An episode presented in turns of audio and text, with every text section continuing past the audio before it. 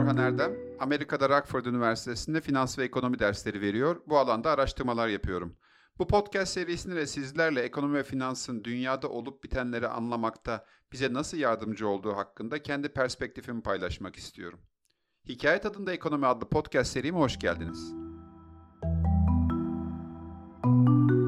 Bu podcast'te 3 tane sorunun cevabını irdelemek istiyorum. 1. Dolar neden tüm para birimlerine karşı değer kazanıyor? 2. Resesyon nedir? 3. Stagflasyon nedir? Ve bu 3 sorunun birbiriyle alakası nedir? Podcast'te Amerikalı ekonomist Paul Volcker'ın hikayesiyle başlayayım. Bugünlerde adını sıkça duymaya başladığınızı veya başlayacağınızı tahmin ediyorum. Paul Volcker, lisans eğitimini Princeton'da, master'ını Harvard'da yapmış bir ekonomist. Babası Almanya'dan Amerika'ya gelmiş bir göçmen ama büyük buhran zamanında devlete başvurup yıllık 8 bin dolar olan maaşının 6 bin dolara indirilmesini isteyecek kadar da Amerika'yı düşünen bir kişi.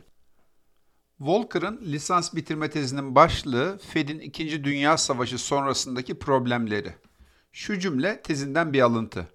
Aşırı şişirilmiş para arzı enflasyon yaratarak ülke ekonomisi için bir tehdit oluşturdu. Fed bu tehdidi ortadan kaldıracak hamleleri yapmalıydı. Bu sebeple Fed'in politikaları tamamen bir hatadır. Bu tezini 1949'da yazmış.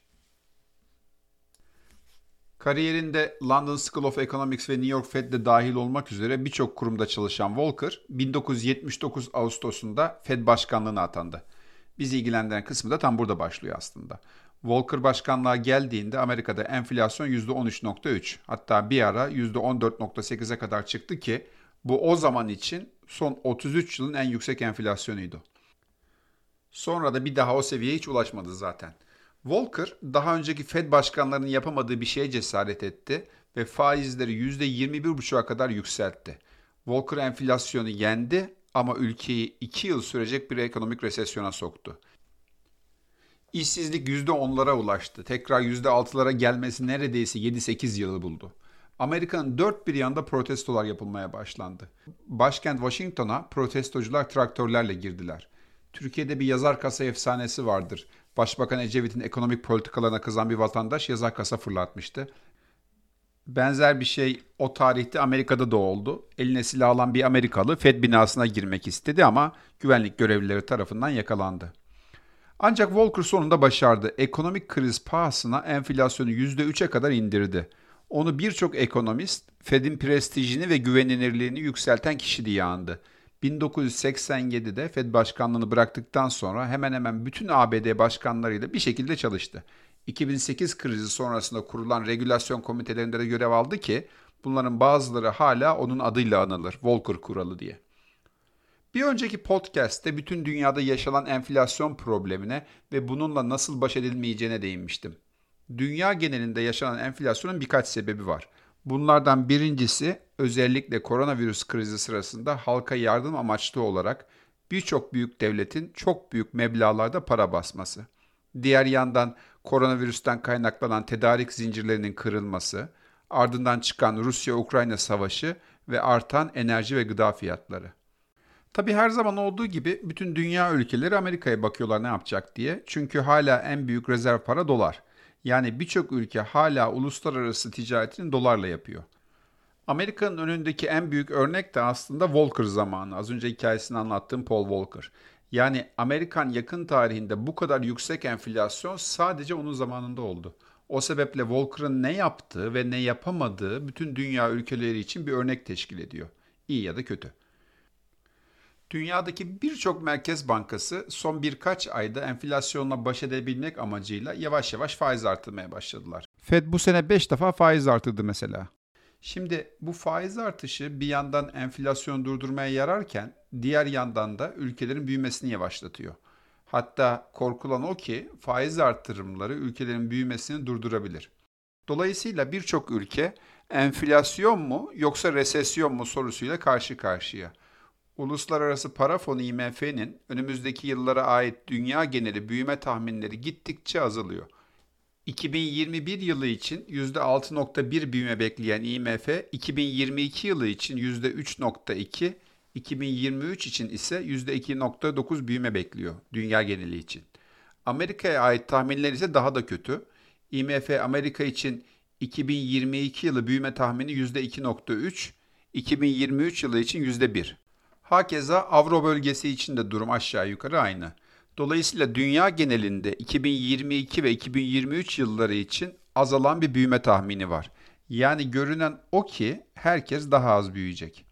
Diğer yandan doların uluslararası piyasalardaki değeri gittikçe artıyor. Yıllardır kendisinden daha değerli olan avronun değerini geçti. Artık 1 dolar 1.03 avro. Dolar 20 yıldır avroya karşı birebir paritesini aşamamıştı. Bu sadece avroya karşı değil, diğer para birimlerine karşı da geçerli. Dünyanın en değerli altı parasından oluşan endekste Japon yeni, İngiliz poundu, Kanada doları, İsveçe kronu ve İsveçe frankı da var. Bu sepete karşı dolar 20 yılın en yüksek seviyesine ulaştı.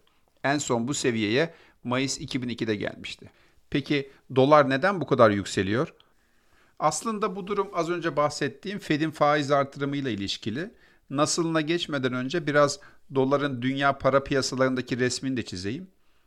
Dünyada yaklaşık 8,5 trilyon dolar değerinde banknot ve bozuk para olduğu tahmin ediliyor.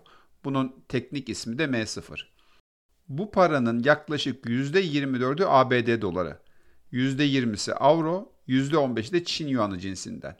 Bunlar da yaklaşık olarak o ülkelerin dünya gayri safi milli hasılasının aldıkları paya çok yakın. Yani IMF rakamlarına göre 2021 yılında tüm dünyada 100 birimlik mal ve hizmet üretilmişse bunun 24 birimini ABD, 16'sını Avrupa, 18'i de Çin'e ait. Merak ediyorsanız Türkiye'ninki de 0.8. Dolayısıyla bir ülkenin parasının dünyada geçerliliği o ülkenin ürettiği ve satabildiği mal ve hizmet miktarıyla büyük ilişkili. Ne kadar çok mal satabiliyorsanız paranız da o kadar geçerli.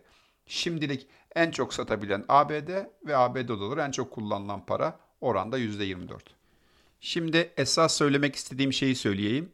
Aslında doların yükselmesinin basit bir sebebi var. Dünya büyük bir çalkantıdan geçiyor. Bir yandan pandemiyle boğuşurken diğer yandan Rusya-Ukrayna savaşının yarattığı belirsizlikler, diğer yandan Çin'in Tayvan'ı işgal etme dedikoduları ve 3. Dünya Savaşı ihtimalinin konuşulması. Hepsi korkan yatırımcıları en güçlü olduğunu tahmin ettikleri paraya yönlendirdi. O da dolar. Şimdi bu resme Amerikan Merkez Bankası Fed'in faiz yükseltmesini de ekleyin. Yani Amerikan devlet tahvilleri yatırımcılara yüksek faiz öneriyor. Bu durumda dünyanın değişik yerlerindeki insanlar ellerindeki yerli paraları satıp dolar alıyorlar. Ya da ellerindeki yerli paralarla ihraç edilmiş devlet tahvillerini satıp Amerikan tahvili alıyorlar. Diğer bir ifadeyle yatırımcılar yerli paraları terk edip dolara koşuyorlar. Bu da doları gittikçe daha değerli hale getiriyor. Şimdi bu kadar yoğun bir konuya şu küçük parantezi de açayım. Birçok insan diyor ki ben tahvil vesaire almıyorum. Tahvil piyasasından da bana ne? Birçoğumuzun biriktirip bir bankaya yatırdığı paralar siz isteseniz de istemeseniz de genellikle o bankalar tarafından tahvil piyasasında değerlendirilir. Dolayısıyla bana ne demeyin bunu da araya sıkıştırmış olayım. Şimdi konuya geri döneyim. İnsanlar riskli olduğunu düşündükleri para birimlerinden kaçıyorlar ve dolara koşuyorlar. Hangi paralar bunlar? Hemen hemen tüm para birimleri. Dolara karşı bu sene içerisinde avro %15, İngiliz sterlini %20, Japon yeni %20,5 değer kaybetti. Ancak bu yıl içerisinde dolara karşı en çok değer kaybeden 5 para birimi şunlar. Sri Lanka rupisi, Laos kipi, Gana cedisi, Arjantin pezosu ve Türk lirası. Belki de bu para birimlerinden bir kısmını hayatınızda hiç duymadınız, bazılarını ben de duymadım. Yaklaşık 29 milyar dolarlık dünya ticaretinin yaklaşık olarak %40'ı dolar üzerinden yapılıyor. Dolayısıyla yükselen dolar aslında dolarla borçlanan her insan, her şirket ve her ülke için büyük bir sorun. Uzun lafın kısası resim şu.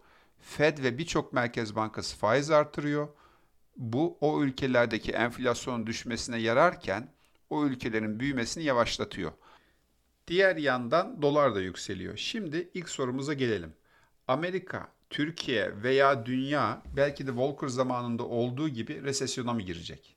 Peki resesyon nedir? Ne kadar korkmalıyız? Bizim için ne ifade eder? Resesyon tanımını yapmadan önce 1995 ekonomi Nobeli sahibi ve Chicago Üniversitesi hocası Robert Lucas'ın bir sözüne değinmek istiyorum. Lucas 2003 yılında yazdığı bir makalede dedi ki, artık durgunluğu önlemek diye bir problemimiz kalmadı. Bu problem tamamen çözüldü. Yani Lucas'a göre artık insanlık bir daha resesyon görmeyecekti. ancak gördü. 2008'de dünya gelmiş geçmiş en büyük resesyonlardan birisini gördü ve şimdi de görüyoruz. Ekonomi garip bir bilim değil mi? Resesyonun üzerinde herkesin mutabık kaldığı bir tanımı maalesef yok. Ekonomistler neyde mutabık kaldı ki dediğinizi duyar gibiyim ama öyle demeyin. Elimizde genel kabul görmüş bir tanım var. O da genel bir kabul yalnız. O da şu. Reel gayri safi yurt içi hasılanın iki veya daha fazla çeyrek arka arkaya negatif büyüme göstermesine resesyon deniliyor. Yani iki çeyrek arka arkaya bir ülke küçülürse o ülke resesyonda diyoruz. Diğer bir adı da durgunluk.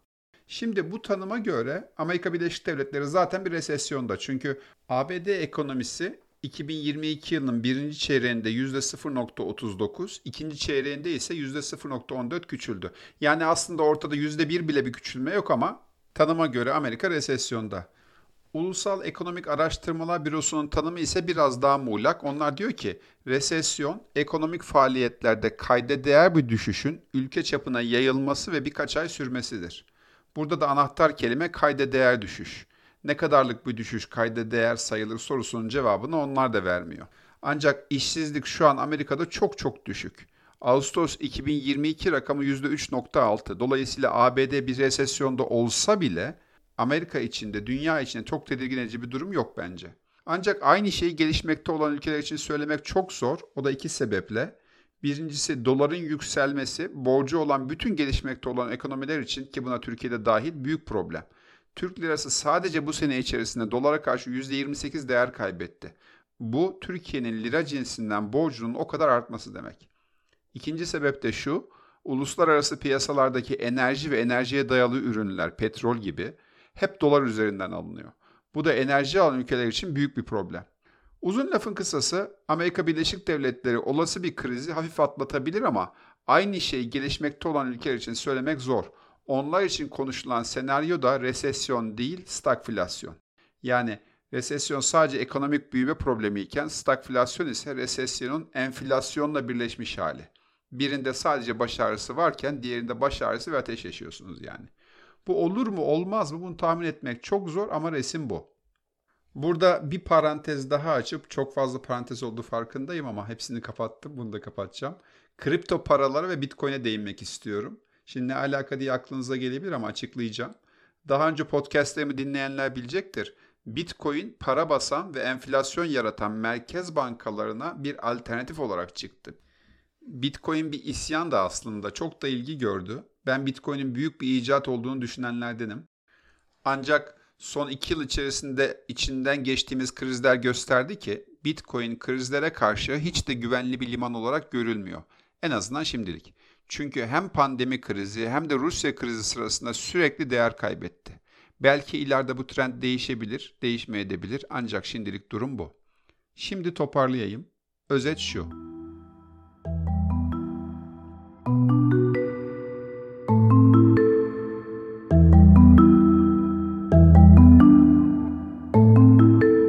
Dünyada genel bir enflasyon problemi var. Bu problemi çözmek her merkez bankasının kendi becerisiyle ilişkili olacak. Fed ve birçok merkez bankası adımlarını attılar ve faiz artırdılar. Bu o ülkelerde enflasyon düşmesine yararken o ülkelerin büyümesini düşürdü. Bu da resesyon korkularını gündeme getirdi. Dünya genelinde yatırımcılar bu korkudan dolayı dolara sarıldılar. Dolar inanılmaz bir hızla yükseliyor. Şimdi birçok ülke için enflasyon ya da küçülme probleminden birini seçmek sorusu yok. Yükselen doların yarattığı artan borç problemi ve dolarla ithal edilen malların yarattığı artı enflasyon problemi de var. Belki hem küçülme hem enflasyon beraber gelecek ki buna da stagflasyon diyoruz. Bütün dünya olarak krizlerden kriz beğenmemiz gereken bir zamana giriyor olabiliriz. Farklı ülkeler farklı krizler görebilir, hazırlıklı olmalı. Bana her zaman olduğu gibi orhanerdem.gmail.com e-mail adresinden ya da orhan erdem Twitter veya Instagram adreslerinden ulaşabilirsiniz. Bir sonraki podcast'te görüşmek üzere sağlıcakla kalın. thank you